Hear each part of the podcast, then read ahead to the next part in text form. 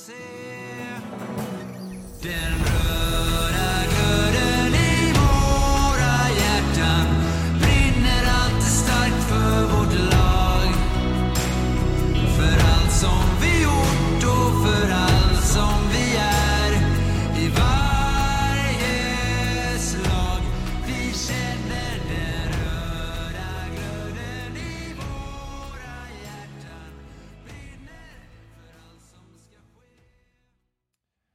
Välkomna till podden om Kalmar HC i samarbete med Mad Group International. Vi i podden har valt att oavkortat skänka alla intäkter från sponsorer till Kalmar HC. Så stort tack till Mad Group International för ert engagemang i podden och i Kalmar HC. Någon form av ingång, eh, Mackan, eller hur gör vi? Kör du. Vi kör. Hörni, varmt välkomna tillbaka till podden om eh, Kalmar HC. Eh, idag har vi med oss Mackan i Jönköping som vanligt. Jag sitter i Kalmar och med oss på länk har vi också en eh, gäst. Lars Lindberg, välkommen till podden. Ja, men stort tack! Vilken eh, härlig start på fredag. Få snacka lite hockey där innan, innan helgen ska börja. Och man får en fredagkväll. Ledig faktiskt nu fredagkväll, så jag ska sitta hemma och se på hockey i tv-soffan. Det, är- det är alltid Fantastiskt. spännande. Det, det är nog många Det var som faktiskt känner... min följdfråga där. Att blir man verkligen ledig eller sitter man och tittar på hockeyn då? Eh, det hade varit kul om min sambo hade varit här, hade hon kunnat få svara på det. Men eh, svaret är nej. Jag, jag, jag skulle i princip säga att jag är nog aldrig ledig. Alltså vinterhalvåret från egentligen ja, men någonstans eh, sista veckan i augusti till det att säsongen är över så är det i princip eh, dygnet runt. Och då menar jag inte så dygnet runt slaviskt dygnet runt, men det är ju alltid ett telefonsamtal som handlar om någon sändning eller om någon podd eller om något lag om att kolla hur det går eller eh, se en match eller eh, någon form av research eller planera en sändning med en producent med en bildproducent eller med kollegor. Så att, nej, vinterhalvåret är hektiskt. Alltså det, det, jag, jag försöker att lägga undan telefonen när jag är hemma och är bara med familjen för att liksom vara närvarande. Men, men det, det ska ärligt sägas att det är en utmaning. att man, man blir ju lätt synad om man inte har koll. Jag förstår. Jag förstår. Hörrni, för de som inte känner Lars Lindberg vid namn så kan vi lägga till att det här är alltså eh, TV4s Lars Lindberg som eh, du programleder Hockeyallsvenska studiosändningarna. Ja, exakt. Eh, har gjort det sedan 2018 i princip. Jobbar heltid på Simor TV4 numera sedan 2013. Kommenterat SHL-hockey och Hockeyallsvenskan. Jag gör lite annat också, men eh, främst är väl hockey som jag är förknippad med skulle jag säga. Ja, verkligen. Det, när vi påade det här avsnittet i vår förra podd så sa vi att Lars Lindberg kommer till podden. Eh, och tänk er, om ni inte känner honom, så tänk er ett ansikte som ni förknippar med Hockeyallsvenskan. Där har ni honom. Det känns som att du är Mr Hockeyallsvenskan. Ja, tack. Det, det gör mig väldigt varm att tänka så, även om jag inte kan köpa det riktigt själv. Men jag vill ju verkligen vara det. Alltså, jag- vill inte vara Mr Hockeyallsvenskan, men, men jag brinner enormt och oansenligt mycket nästan för den här ligan på något sätt. Jag vet inte riktigt hur, men det blir ju någonstans också när man... Jag hade ju två och ett halvt år när jag gjorde varje sändning eh, som vi hade. Och det är klart att då, då blir man ju väldigt slaviskt mot en liga. Sen gör jag SHL också nu, så jag är lite otrogen så här på sidan, sen, även om jag gjorde SHL innan. Eh, Men som svar på din fråga, tack för det. Och det gör mig väldigt glad, för jag bryr mig mer om Hockeyallsvenskan än vad som nästan är rimligt. För det var faktiskt min eh, följdfråga då eftersom du gör en del SHL idag. Eh, Tycker du att en hockeyallsvensk match är roligare att göra än en SHL-match? Min instinktiva svar är ja, men det är ju också... Alltså det är så otroligt beroende. Vi pratar faktiskt om det här. Vi har ju en podd, eh, jag, Fredrik Söderström och eh, Mikael Dagen Eriksson eh, som heter Rinkside. Där vi pratar mycket om, om hockey utifrån deras perspektiv som tränare och spelare och mitt som journalist.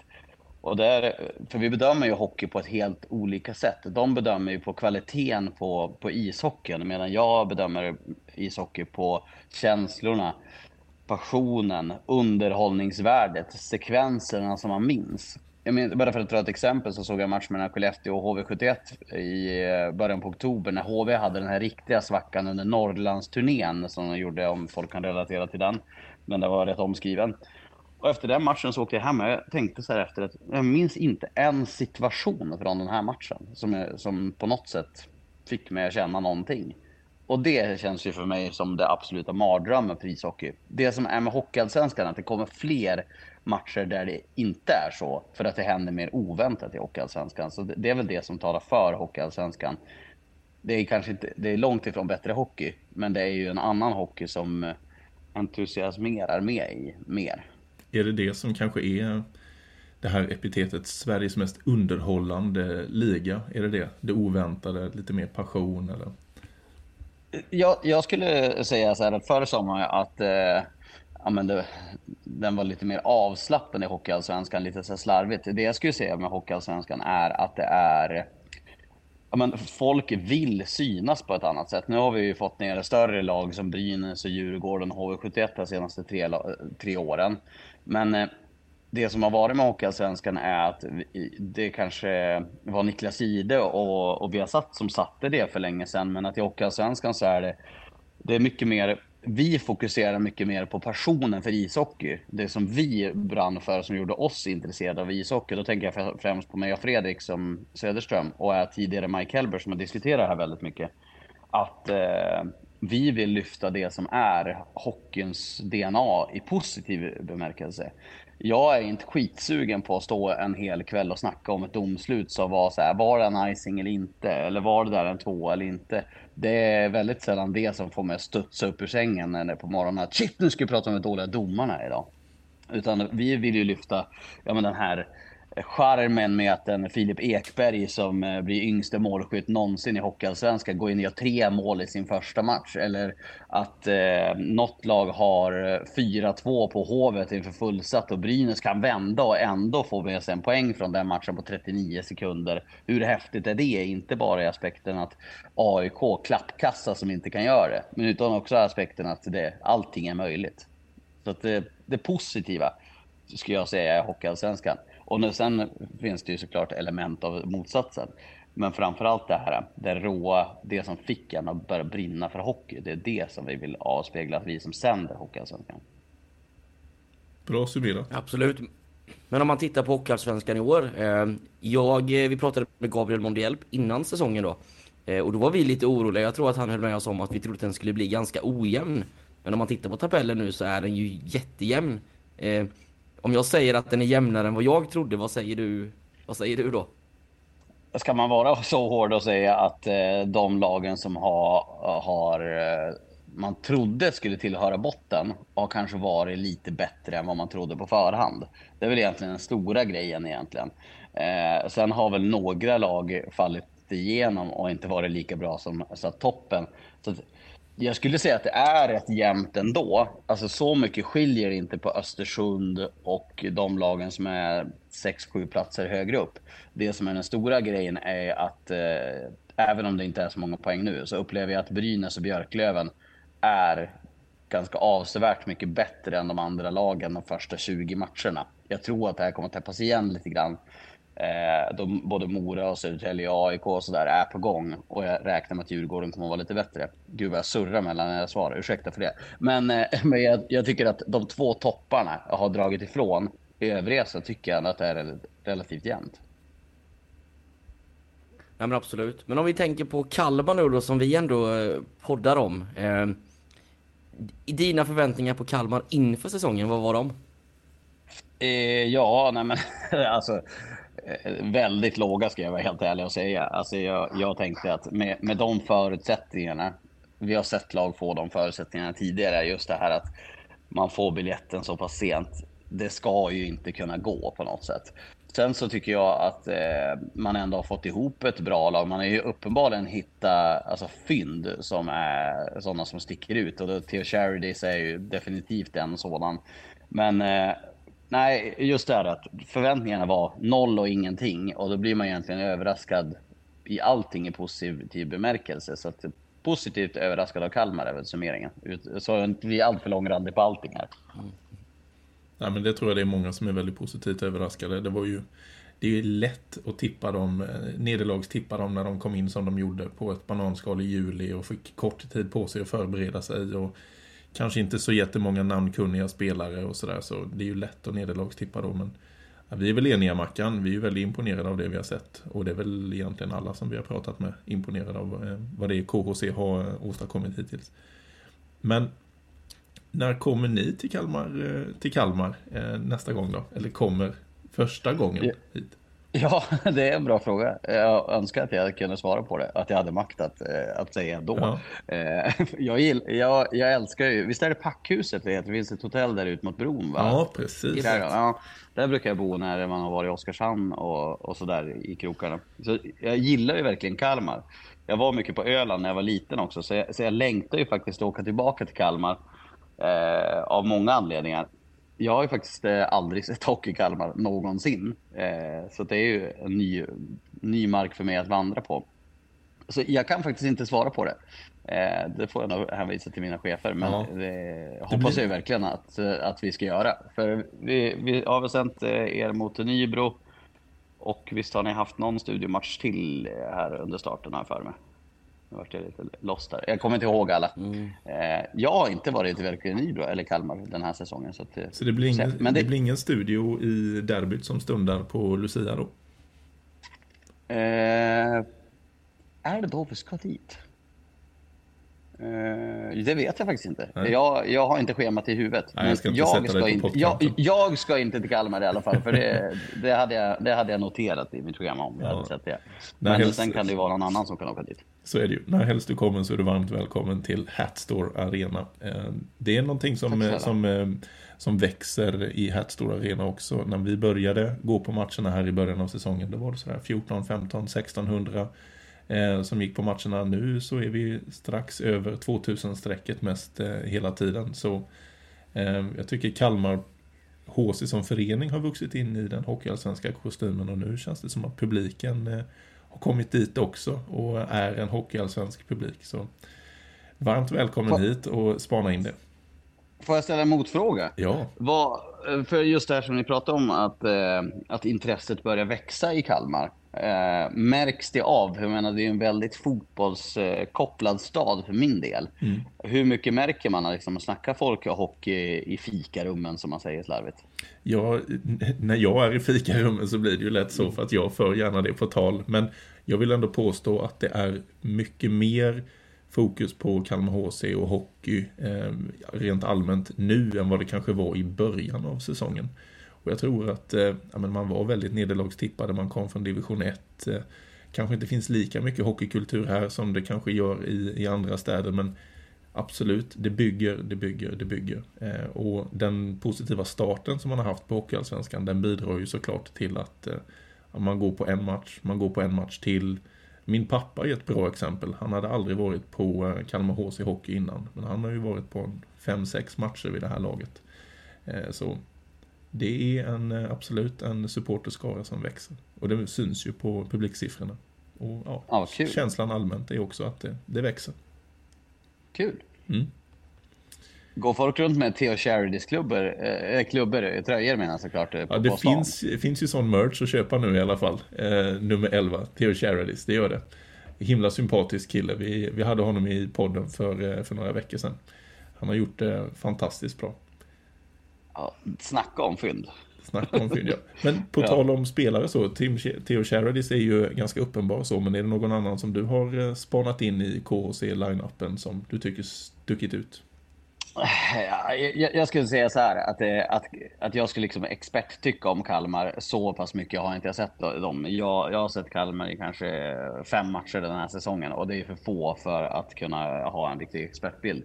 Men för att eh, summera lite grann av det jag har sett som jag charmerats av så charmeras jag inte alltid av de som är bäst. Men jag, jag har ju så väldigt bra koll på Alexander Hellnemo och Jonathan Stålberg med tanke på att eh, jag kommenterar Skellefteå AIK väldigt mycket. Så har jag ju koll på dem sedan tidigare. Och Hellnemo var jag förvånad att det kanske inte blev en starkare start. För jag menar, han fick ju ta väldigt stort lass i Skellefteå i fjol när, han, när de hade skador på målvaktssidan. Och sen plockade Rögle upp honom eh, med stor sannolikhet då för att få in NHL-pengar. Och eh, då tänkte jag i Hockeyallsvenskan, det här är året för han att växa. Men eh, som jag har förstått det har det inte riktigt varit någon dans på rosor. Riktigt. Eh, så att det har väl varit en rätt tuff tid där.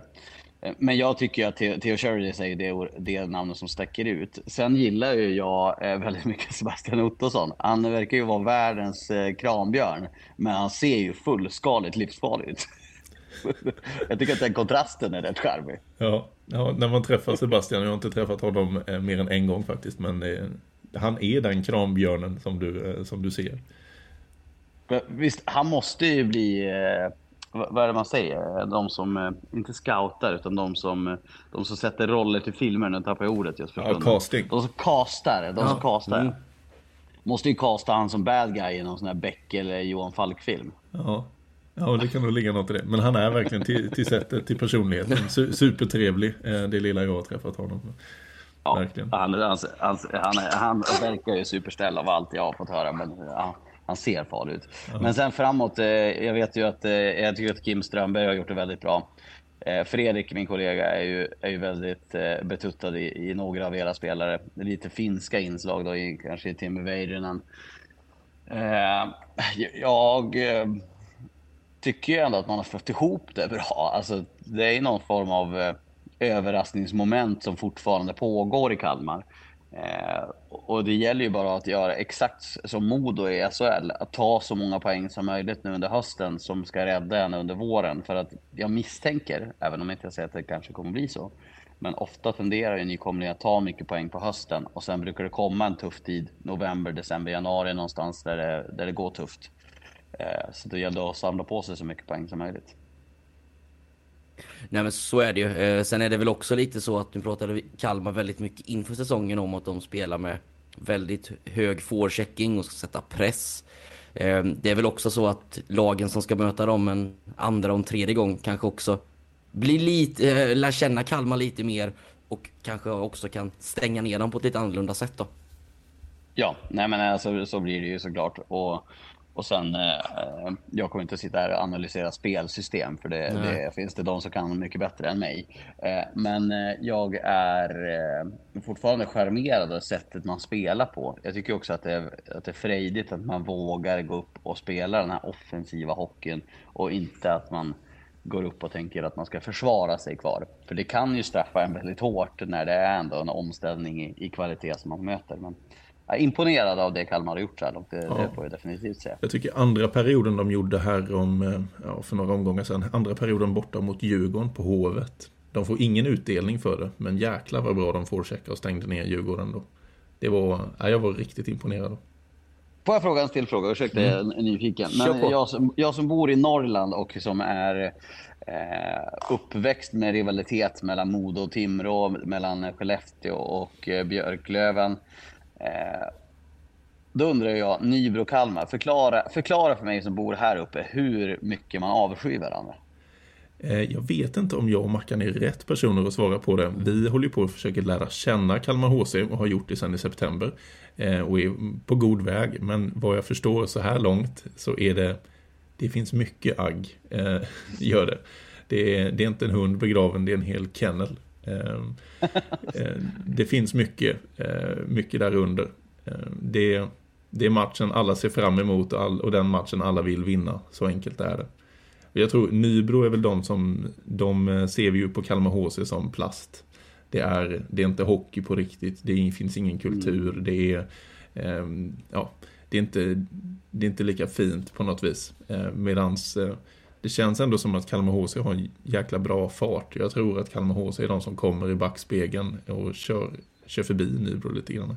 Nybro var väldigt heta i början av säsongen på att skriva att de alltid har över 2000 eh, på läktarna. Nu tror jag det börjar gå lite sämre för Nybro att verkligen upprätthålla den över 2000 på läktarna. Och i andra änden kommer Kalmar och har över 2000 på läktarna varje match nu. Ja, jag vet inte. Det går ju fort. Eh, Det går fort i hockey och det går fort i att ehm, eh, skapa de här känslorna också. Jag tror ehm, ja, Kalmar HC bygger någonting. Nybro har en kultur, men jag tror HC, HCs kulturbyggande här och nu, det, det är jag imponerad av. Sen kan jag för lite om Nybro. För det är, mycket, det är så otroligt mycket lag i Småland och varenda match man kollar i tabellens, eh, eller i spelschemat så ser man att det är ett Smålands eh, rivalmöte. Men jag har inte riktigt förstått exakt om jag tänker på min geografiska eh, placering i landet.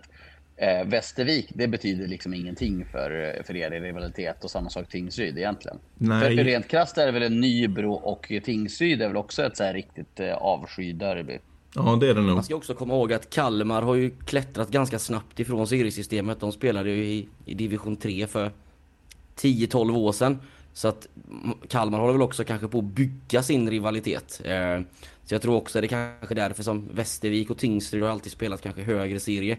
Nybro kommer nog, det föds nog in i det att kanske inte gilla Nybro och bara få gå tillbaka till det här med Nybro att jag fick spola, spola tillbaka tre gånger och lyssna på intervjun med Viktor Turola inför derbyt.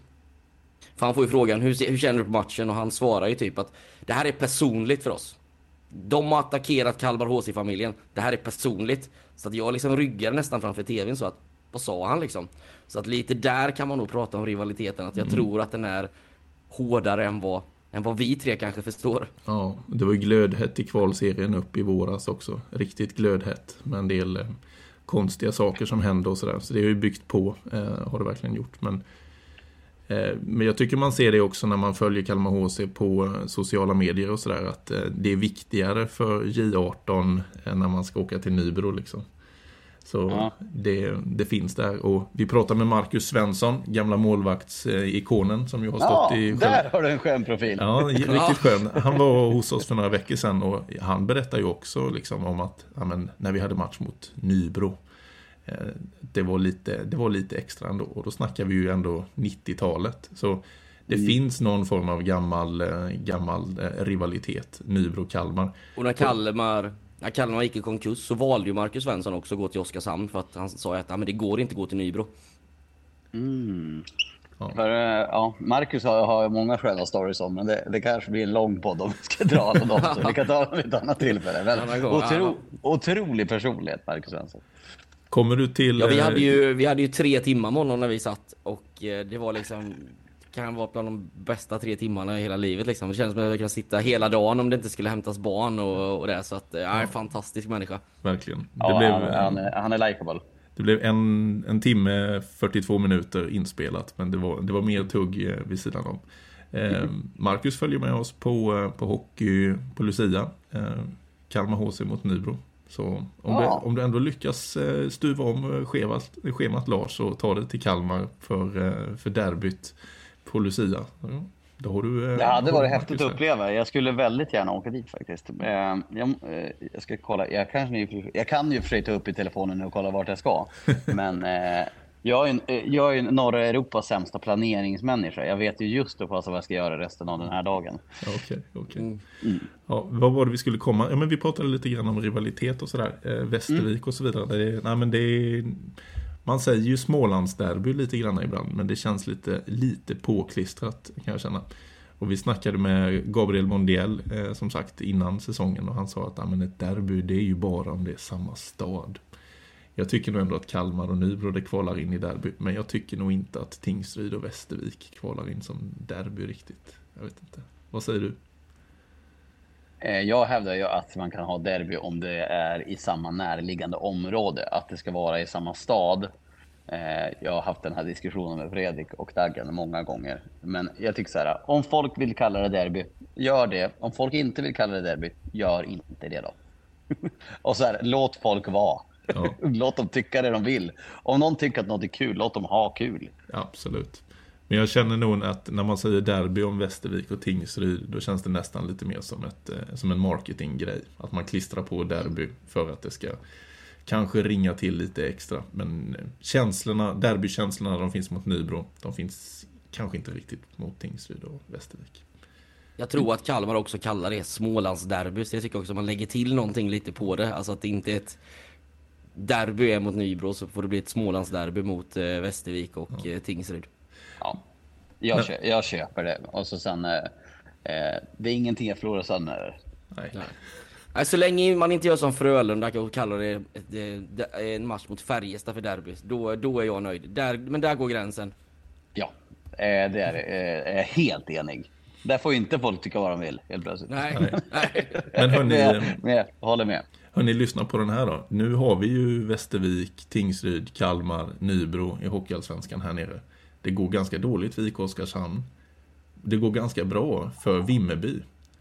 Mm. Ponera att vi har sex lag här nere i sydosthörnet i Hockeyallsvenskan eh, nästa år. Då får, du nästan, det är det. eh, då får du nästan bosätta dig på Öland eh, under en, under en del av säsongen, Lars. Ja, det hade ju varit mindre vinter så där, och lite ljusare, så det hade inte varit dumt alls.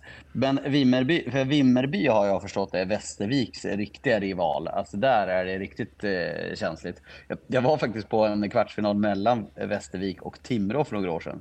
Och då var det en kille som kom och gav mig en Vimmerby-tröja. Han sa det att Visa den här någonstans. då var det någon som kom förbi och sa det att visar du den där i sändning, åker ut.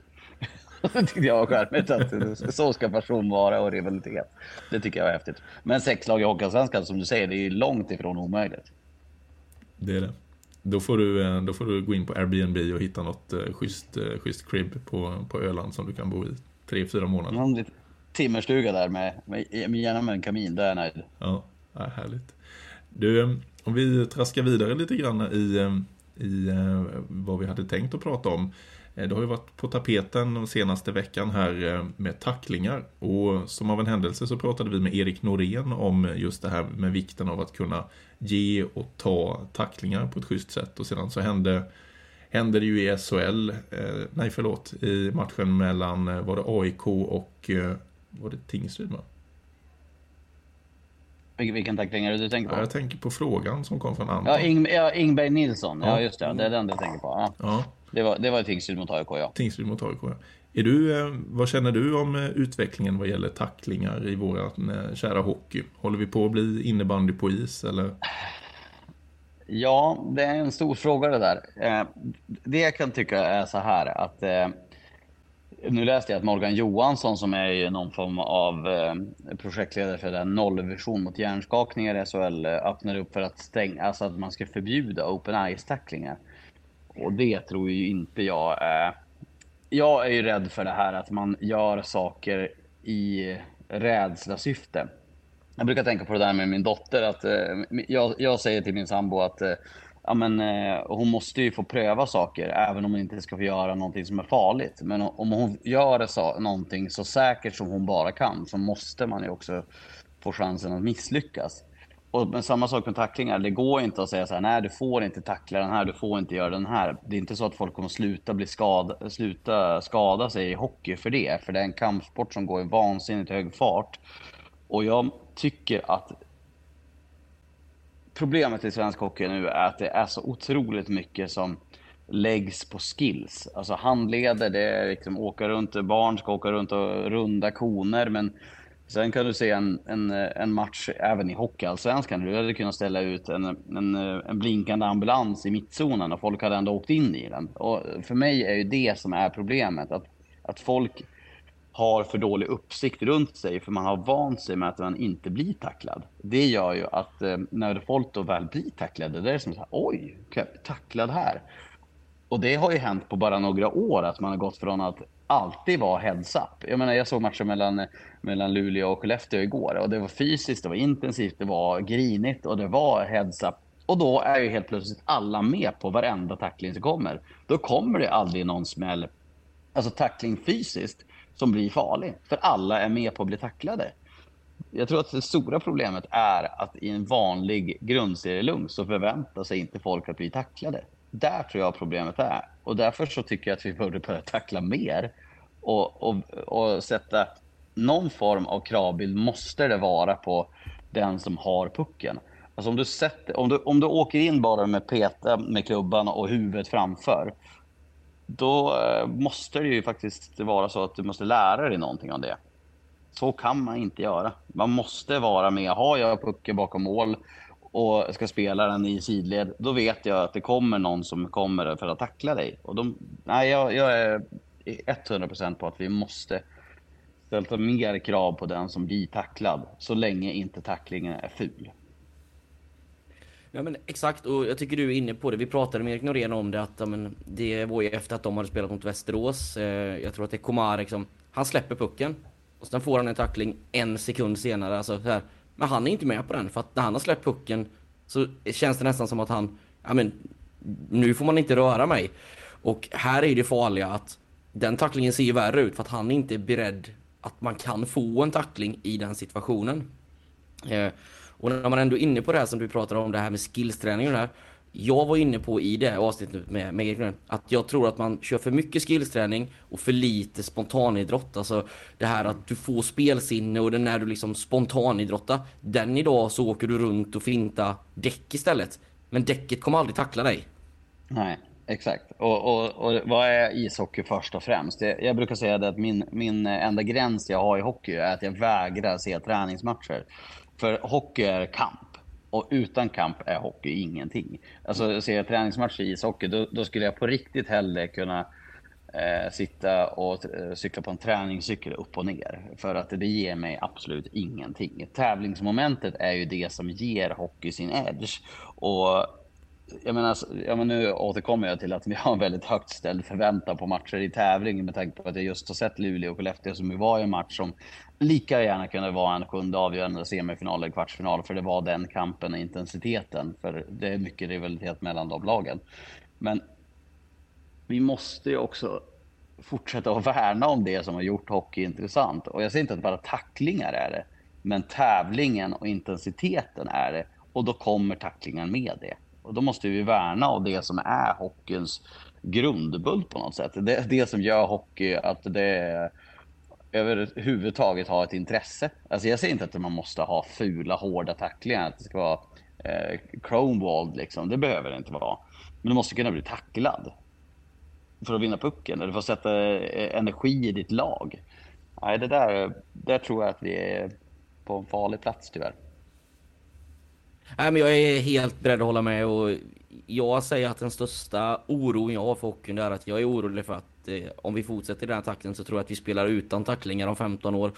Och då eh, är jag ganska övertygad om att jag tror att hockey inte kommer vara en lika rolig sport att, att titta på. Mm. Ja, jag eh, tror ju att, eh, att hockeyn, eh, det är ju en samhällsfråga det här, men, men eh, problemet är att vi har ingen hockey i SHL i, i huvudstadsregionen. Eh, hockeyn har sina utmaningar, det har fotbollen definitivt med VAR-debatten, domardebatten, fandebatten, eh, stopptid, maskning, filmningar. Det, det, är samma sak i fotbollen. All, alla sporter har sina prövningar. Men hockeyns prövningar är ju så pass stora att man är orolig för, för vart, exakt som du säger, vart är hockeyn om 15 år? Hur mycket, hur mycket mark tappar hockeyn i Stockholm där, eh, där ju vi har 2 miljoner, 20 procent av Sveriges befolkning. Att vi inte har ett SHL-lag i den staden som är i den högsta ligan. Det, det tror jag kommer att kosta att fotbollen kommer att dra ifrån med tanke på att det, i fotbollen så är det ju storstadsregionerna som är, är starka. Och, och det är ju problematiskt tror jag om om 20 år att vi har en huvudstad där hockeyn inte har den, den närvaron som kanske behövs. Sen säger jag inte att man ska liksom flytta upp Djurgården eller AIK eller Södertälje för den delen. Men jag tror att det där är ett problem. Och på samma sätt så tror jag tacklingsdebatten är att vi, vi gör så mycket för att skydda spelarna när vi inte vi, bara ta, ursäkta att jag svamlar så mycket, jag säger så mycket. Men om vi säger så här. Om det är så viktigt att vi inte får tacklas, varför spelar vi då utan galler? För jag menar, rent krasst, jag menar, du kan ju få en klubba upp i ögat och vara blind. Du kan få en tackling så du får en hjärnskakning. Men det ena är någonting som vi pratar om hela tiden. Men galler, det diskuteras aldrig. Det är ju helt orimligt egentligen alltså, med tanke på hur klubbor flyger och hur ofta folk får saker i ansiktet att vi inte spelar med galler. Ja, det är helt sant. Det tror jag att vi gör om 20 år. Ja, ja absolut. Intressant spaning. Ja, då försvinner ett gäng med high-sticking ut, eh, utvisningar. Ja. ja. Intressant. Det har jag faktiskt inte tänkt på innan, men eh, en bra, bra spaning. Mm. Ja. Vi har, vi har ett eh, avsnitt planerat här framöver med Erik, sportchefen i Hockeyallsvenskan. Det ska bli intressant att höra hans take på de här grejerna också det jag har tänkt mycket på är att jag skulle vilja, jag skulle vilja ha ett samtal. Eh, och jag vet inte exakt i vilket format, men, men kanske att man ska göra det i någon form av tv-sändning med, med, eh, med, stort, eh, eh, med en stor panel.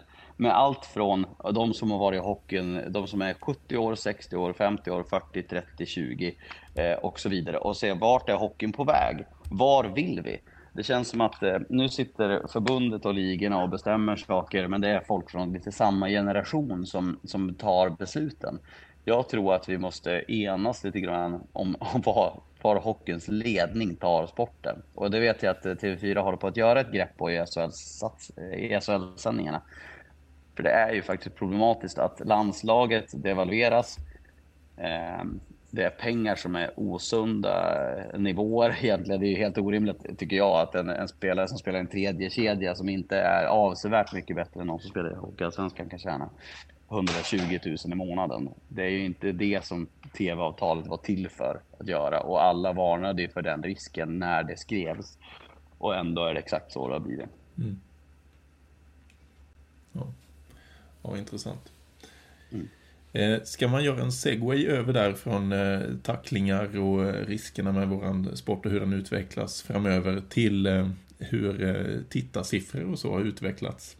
Vi mm. ser ju en hel del posts ifrån Gabriel Mondiel som lägger ut statistik på hur hockeyallsvenska intresset växer. Men då är, handlar det allt som oftast om betalande åskådare på plats. Har du någon, eh, någon input i hur intresset eh, för tv-sändningarna utvecklas i Hockeyallsvenskan? Eh, det här är också så här, eh, där är jag inte fel person att prata med för att jag vet för lite. Det jag vet är ju det liksom som, som vi har sett som officiella siffror. Men jag kan inte svara på rak arm hur många tittare vi har, för det vet jag inte. Och det, jag vet när det är i TV12 och öppna kanaler, för då är det offentliga siffror. Eh, men det jag vet är att intresset för hockeyn är, väldigt, väldigt stort och att eh, Hockeyallsvenskan, det är klart att det är väldigt många som ser på Djurgården i fjol. Det var väldigt många som såg på Modo, Björklöven, AIK. Det finns ju väldigt stora klubbar. Eh, men jag måste tyvärr vara tråkig och säga att jag har inget riktigt bra svar på exakt hur det ser ut. Det jag vet är att eh, väldigt många ser på hockey. Sen kan jag inte svara mer än så tyvärr. Nej. Eh, livemässigt så verkar det gå spikrak uppåt i alla fall. Eh, både förra året och eh, i år ser ut att peka fortsatt mm. uppåt, uppåt. Det är kul. Det som är med, det som är med, med samhället i sig är att allt annat förutom liveidrott går ju att se när man vill. Liveidrott går ju bara att se live, i min mening i alla fall. För att annars prova, jag har provat någon gång när jag har jobbat, försökt se en Liverpool-match efter. Det är ju i princip så att man får alltså, dyka ner till en sjöbotten och slå på telefonen där i något vattenskyddat hölje för att du inte ska få reda på vad matchen har gått. Man har gått som sadistiska vänner som, som är villiga påpeka om Liverpool har förlorat.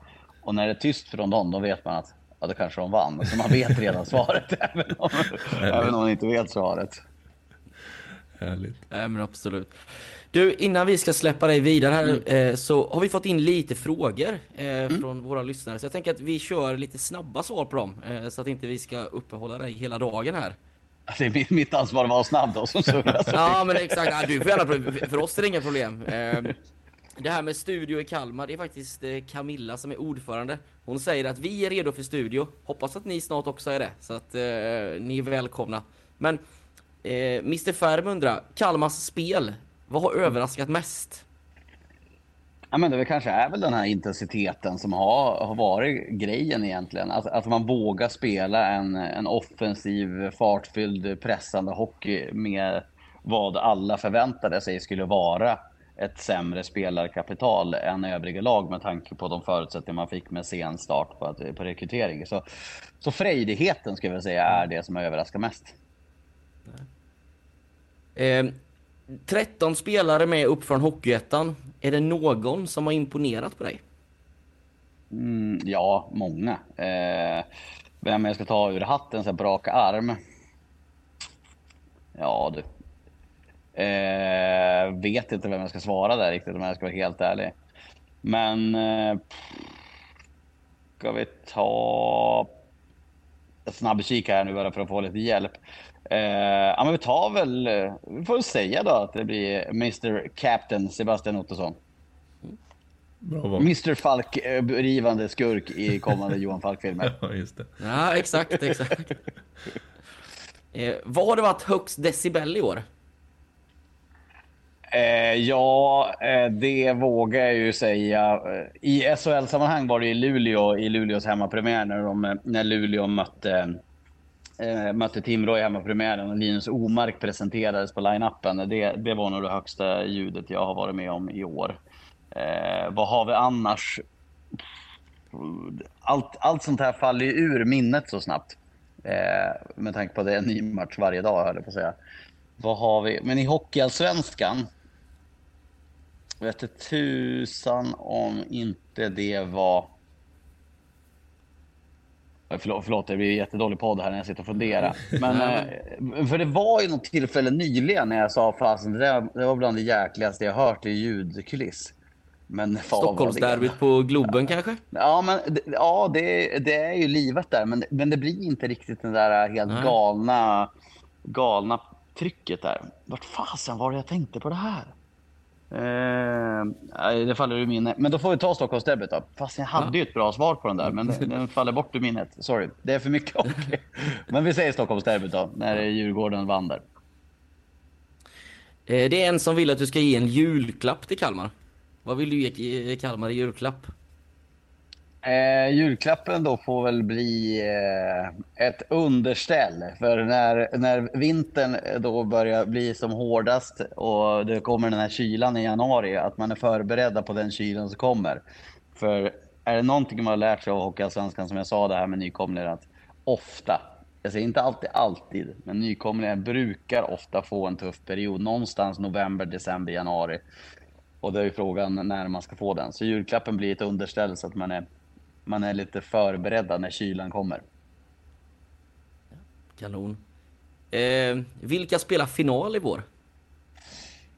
Ja, alltså jag har väldigt svårt att säga något annat än eh, Brynäs mot Björklöven. Och med tanke på det jag såg av Brynäs i onsdags i det, det mötet här i Umeå så, så har jag svårt att se att Björklöven ska mäta sig med Brynäs faktiskt. Det, det jag hörde var att det var en del sjukdom i Björklöven och det kan ha jag menar, är det så att åtta stycken har, har någon form av flunsa så kan ju det vara en indikator som gör att man luras lite grann.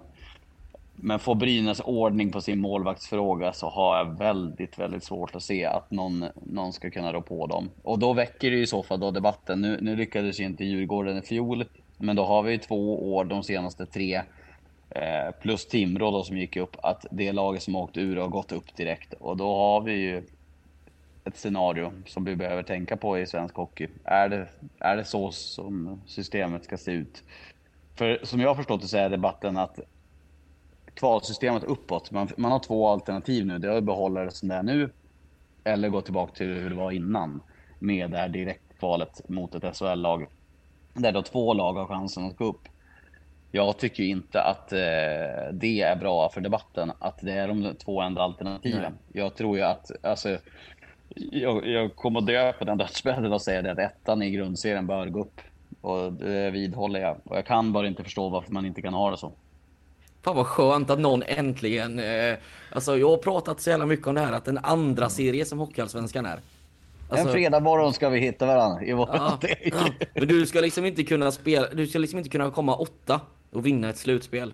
Eh, sen hade jag ju velat ha det på något sätt kanske att ettan går rätt upp och 14 i SHL åker rätt ut. Sen skulle jag ändå vilja ha någon form av kval mellan något SHL-lag och något Hockeyallsvenskt lag. Eh, sen vill kanske Hockeyallsvenskan ha kvar sitt slutspel för jag, det drar ju ganska mycket publicitet också så att det är en svår fråga men att ettan ska gå rätt upp, där är vi, där är vi helt överens. Och om Oskarshamn nu, som är, nu minns jag inte exakt hur många det var, det var 15 poäng inför igår och eh, HV tog två poäng, Rögle. Men säg att det är 15 poäng, det kan vara någon fler för Oskarshamn nu, jag vet inte exakt hur många poäng det är som skiljer. Men om man skulle då bli klara för kval, typ fyra månader innan det att kvalet ska spelas, hypotetiskt då. Om man är så långt efter, om du blir sist i en grundserie som ju flera lag har varit med tydlig markör här några år på slutet, då ska man åka ur. Så jag kan, jag kan inte förstå liksom att man ska ha en räddningsplanka. Det är det är samma sak som att ja, ja, du får, nu har du presterat för dåligt på jobbet här så du får sparken. Men om du kan jonglera fler gånger än vad Nisse kan här i, i mars, då får du hålla dig kvar. Då får du, då får du vara kvar, då får Nisse sparken istället. Ja, den är lite rolig. Vi, har, vi hade väldigt mycket snack om det här med eh, kvalsystem upp och ner eh, med, eh, i början av säsongen med Torala och med Stolt och Camilla också för den delen. Att ta sig från ettan upp till Hockeyallsvenskan. Ja. Det, är, det är ett nålsöga det. 40 lag gör upp om en plats spelmässigt upp. Sen har det ju blivit fler platser i och med att många åker på ekonomiska sidan. Då. Jag tänkte säga det att det är så med de öppna kvalsystemet. De sabbar ekonomin för lagen istället så att, eh, så att folk åker ur. Nu har vi helt plötsligt tre platser från Hockeyettan. Ja men nu då kan jag lika gärna ta den för dig också Lars, för det har också jag har tjatat om att ja, men förra året så Västervik kommer tok sist i Hockeyallsvenskan. Åker ut sin playout och har ganska tufft ekonomiskt. Men erbjuds ändå platsen för de som kommer tvåan i kvalserien i Hockeyettan. Det är också för mig helt, helt konstigt. Ja, det, det, det köper jag fullt ut. Och jag blir också lite orolig nu när jag hör tongångarna i Västervik. De är ju på en jobbig sportslig plats. Nu blev de av med Theo Jakobsson, deras kanske viktigaste unga spelare som Modo tog hem. De har bytt ut en, eh, tagit in en ny målvakt eh, och nu värvar de en ny back. Och samtidigt så hör man att ekonomi är ju spillror, att det är mångmiljonskulder, att det, det verkar ju som att klara elitlicensen i år är ju i princip omöjligt. Och då har jag förstått att de har kontrollår. Det vill jag inte slå fast säkert, men jag har för mig att det var så att Västervik har kontrollår. Och jag menar, hur ska de lösa det då? Jag menar, då, då spelar det ingen roll för Östersund om de kommer sist. Då kommer ju Västervik åka ut ändå. Om de då kommer bli räddade på det. Så att det, det här är ju en jättefråga. Eh, bara för att flika in i just den här frågan så gjorde jag en enkät inför vår första sån här superfredag. Då mejlade jag till klubbcheferna i alla hockeyallsvenska lagen och frågade om de var oroliga för att det här ekonomiska haveriet som var förra säsongen skulle ske igen. Och alla 14 sa att de är, är det. Att det här mest kommer att ske i närtid. Och jag menar, de måste ju lösa det. Jag menar, hur många, hur många division 1-klubbar blöder i ekonomin? Som har jätteproblem att få runt sin verksamhet. Nej, problematiskt. Mm, sannerligen. Nej men absolut. Det har gått så långt så här i Kalmar i lokaltidningen häromdagen så skrev eh, reportern Viktor Lag som var med i podden för några veckor sedan. Han skrev till och med grattis Nybro och eh, Kalmar HC. Det är i stort sett omöjligt att åka ur Hockeyallsvenskan nu med den ekonomiska situationen som Västervik och Almtuna har. Mm. Han, Du, han, han, han, Victor- han kryddar ju kanske lite grann men det säger ju ändå någonting. Ehm, ja. Ja. Eh, Viktor i fråga, gillar han, eh, gillar han eh, ensamidrotter eller andra idrotter? Nej, men, eh, han är väl lagidrottsintresserad. Det var dålig ordvits på en fredag morgon. Jag har inte riktigt fått det till. Ja, jävlar. Ja. Ja, för mycket, Jag fattar för- inte heller men nu för förstår jag. med Den var bra. Ja, bra. Hur dålig det var. Ja, Men det är fredag morgon, ursäkta Ja. mig. Jag har inte kommit Ja. upp i, i leverans på mina ordvitsar än. Nej, men jag gillar den. Två Tusen- frågor tusen kvar. lager. Eh, årets flipp och årets flopp hittills i Hockeyallsvenskan. Lag pratar vi då. Ja, men det är ju, även om Karlskoga är där, men det är klart att, att Djurgården är floppen. Liksom. Jag menar att de, de var ju en poäng från kval. Eh, Södertälje var ju där nere också, men, men Djurgården, jag menar, de, de sitter ju alltså på, på Marcus Kryger som, eh, som skulle, folk skulle göra vad som helst i SHL för att ta han och sätta han i en toppkedja i varenda lag. Linus Klasen är kanske topp 10 i alla fall bästa svenska powerplay-spelarna som finns på svensk mark. Du har en Daniel Brodin som har varit det där gisslet och fysiken och, och tuffheten eh, som bör vara bättre. Du har målvaktssidan med Viktor Andrén som ju var jättebra i Almtuna i fjol. Det borde funka. Eh, de har liksom satt så mycket pengar i den där truppen så att det, det ska vara oförsvarbart att vara där de är. Och det, det jag ser som ett av de största orosmolnen kring en elitförening, det är när det börjar sparkas tränare till höger och vänster och spelarmaterialet eh, materialet inte hålls ansvariga. Kolla vart Brynäs har hamnat på grund av att de sparkar vad är det, sex tränare de senaste sju åren eller vad det är. Det är aldrig bra indikator för ett lags då styrelse och ledning om det börjar sparkas tränare. Så det är floppen i Djurgården. Jag är orolig för vart det där ska ta vägen, för det låter inte som att ekonomin är, är helt under kontroll heller. Där har de ju så mycket, fast mycket rika fans så de kommer bli räddade ändå. Så det kommer inte vara någon fara på, på sikt. Men, eh, och Flipp... Eh,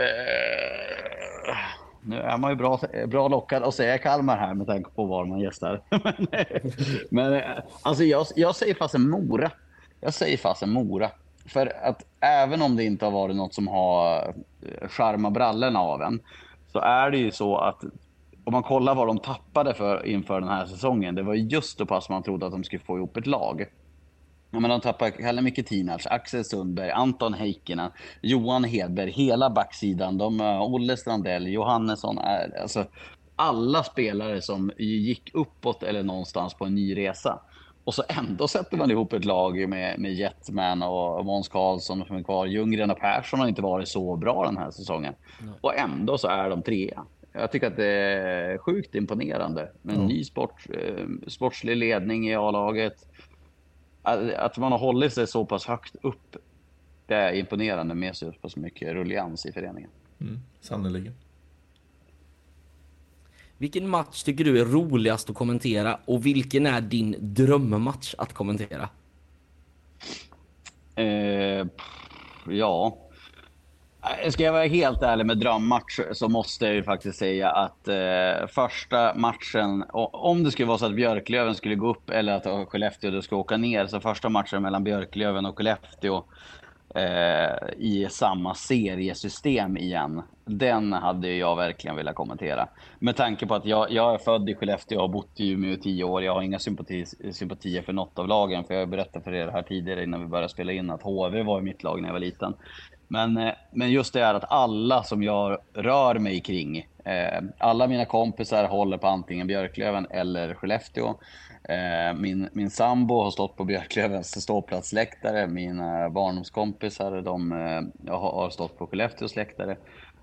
Så det hade varit drömmatchen att få göra. Just med tanke på att eh, det är så mycket laddning i de här två städerna. Umeå fick ett universitet som Skellefteå aldrig fick och det, det, folk eh, städerna avskyr varandra.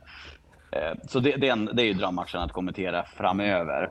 Eh, och ska man kolla till vad som har varit det häftigaste så jag har ju aldrig gjort en SM-final och det är klart att det hade varit coolt. Men, men alltså de här match sju sjunde avgörande i våras mellan Modo och Djurgården. Det är en match med 50-60 miljoner i centrala avtal som avgörs i en match. Det är svårt att hitta en hockeymatch som betyder mer på europeisk mark än det. Jag är helt övertygad om att den matchen betyder mer än ett SM-guld.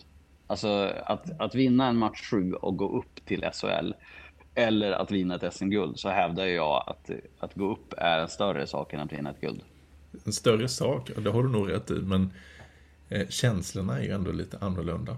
Eh, ja, Mackan och jag är ju båda HV-fans, så jag kommer så väl ihåg känslan när Fredrik Forsberg smäller in eh, det avgörande målet i, i förlängningen uppe i Umeå. Alltså, det, jag var inte glad. Jag var bara. Luften gick bara ur och man bara, Gud vad mm. skönt, det här är över. Gud vad mm. skönt. Det var inte glädje. Det, var, det är klart man var glad, men det var lättnad. Det var lättnad. Till skillnad mot när Simon Önerud gör eh, avgörandet i Game 7. Det är ju inte lättnad, det är ju eufori. Så, ja. ja. Två Nej, olika. Det är det, som, det är det som är med sport. Alltså det, det, finns ju, det finns ju ingenting förutom eh, liksom mänskliga missöden och, eh, på att säga, ekonomisk vinst som går att jämföra med idrott i liksom känslospann. Hur ofta eh, är det någonting annat som får en att ställa sig ut och bara skrika av glädje? Ja, det, du kan ju kanske känna entusiasmen av att stå på en fullsatt konsert liksom, och den glädjen. Men just det här att i, i grupp bara hoppa in och krama närmaste människa och skrika allting utöver det. Det, det är det ju väldigt få andra saker du kan göra med. Det är häftigt. Det är det verkligen. Sen är det ju så att om man tar förlorarna, jag förstår att den som förlorar en SM-final är ju tufft. Men jag tror att mm. det är mm. ännu värre, ja, för Djurgården som exempel och förra året som förlorar Game 7. Så tror jag att den förlusten är nog hårdare än att förlora SM-finalen. Det tror jag med. Det tror jag med, verkligen. Eh, så eh, svaret på frågan då, för jag är bra på att snacka runt. Men eh, svaret är att drömmatchen som jag har, vill kommentera, det är nog den matchen mellan Skellefteå och Björklöven. Just på, med tanke på att vad det skulle betyda för folk i min närhet. Eh, och hur häftigt det skulle vara. Den skulle ju säga slut på en sekund, vågar jag lova. Eh, men, och det häftigaste som jag kommenterar i närtid, även om jag stod i studion, det var ju match 7 mellan Modo och eh, Djurgården, definitivt. Snyggt. Vad härligt. Tänk dig då en Game 7 mo- Löven mot Ni- Skellefteå AIK om, eh, om, om Lematt-bucklan. Ja, eller bara om vilket lag som skulle gå upp hade varit häftigt. Även om jag eh, ser det ju som mer sannolikt att, att Björklöven går upp än att Skellefteå åker ur i alla fall närmaste två åren. Ja, verkligen. verkligen. Beroende på vilket lag som åker ur då i SHL. Har vi något mer i frågelådan, Mackan? Nej, det var eh, allt vad våra eh, lyssnare eller följare på Instagram eh, ville fråga. Så att, eh, det var Ja. några frågor till, men de har Lars redan in, lyckats eh, Ja. svara på. Ja, Just det. jag hoppas det. Jag, jag, tyvärr så surrar jag mer än vad jag ska ibland. Men eh, nu, jag ser till tiden nu. Jag hade avsatt eh, så att jag måste nog gå efter ett tag. Men det har redan gått en timme så att tiden går fort. ja, Nej, men tiden går fort när man har kul och eh, för Ja, oss är det inga problem. Du får tjata hur mycket du vill. Det var liksom Men jag meningen. måste, jag måste nog faktiskt börja avrunda nu om jag ska få ordning på allting. Det förstår vi helt och hållet. Kul att snacka med er hörni. Och hoppas ni har en riktigt trevlig fredag och alla som har lyssnat. Så, så hoppas jag att vi får besöka Kalmar snart. Tack detsamma Lars. Tack för att du tog dig Mm. tiden att vara med och varmt välkommen till eh, Kalmar och Hertstora Arena. Tack så mycket. Ha det så bra. Vi hörs. Samma. Hej då. Hej hej. Hej hej. för allt som vi är i varje slag. Vi känner den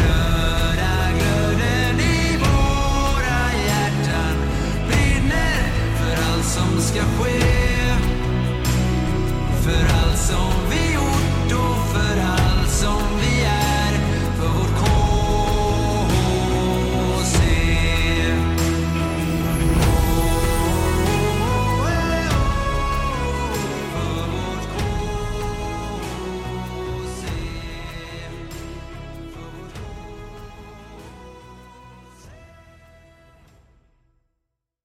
Podden om Kalmar HC görs numera i samarbete med Mad Group International. Och precis som vi sa innan så har vi valt att efterskänka alla våra intäkter till Kalmar HC. Stort tack Mad Group International!